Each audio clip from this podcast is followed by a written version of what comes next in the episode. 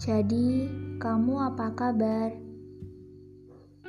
Gak sopan sekali ya kalimat sapa dibuka dengan kata hubung yang perannya untuk menyatakan sebuah kesimpulan.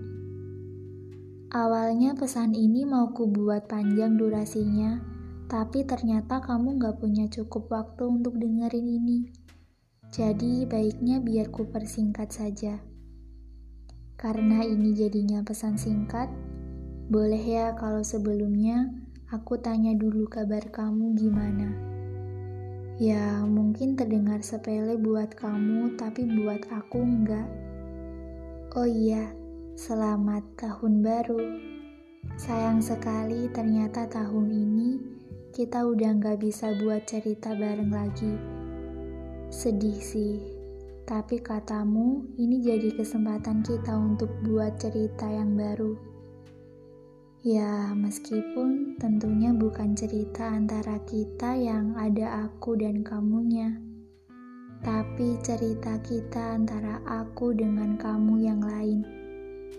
Sempat sakit mendengar itu, tapi cerita yang bukan ditakdirkan untuk kita, mau seerat apa pun digenggam pada akhirnya lepas juga kan? Ya, ya udah, nggak apa-apa. Mau gimana lagi kalau alurnya memang dibuat seperti ini? Kan gak semua cerita selalu bisa berakhir sesuai dengan rencana. Karena ternyata sangat mungkin sebuah cerita itu harus terpaksa usai sebelum sampai di bagian akhirnya. Lucu ya, kita sejalan tapi anehnya nggak bisa sampai di tujuan yang sama. Kita sejalan, tapi ternyata jalan yang kita lalui sama hanya di langkah awalnya saja. Sayangnya, waktu itu kita lebih memilih berhenti, padahal di depan sana ternyata jalan yang kita lalui tengah bersimpangan. Ya udah deh. Pesan singkatnya sampai di sini dulu.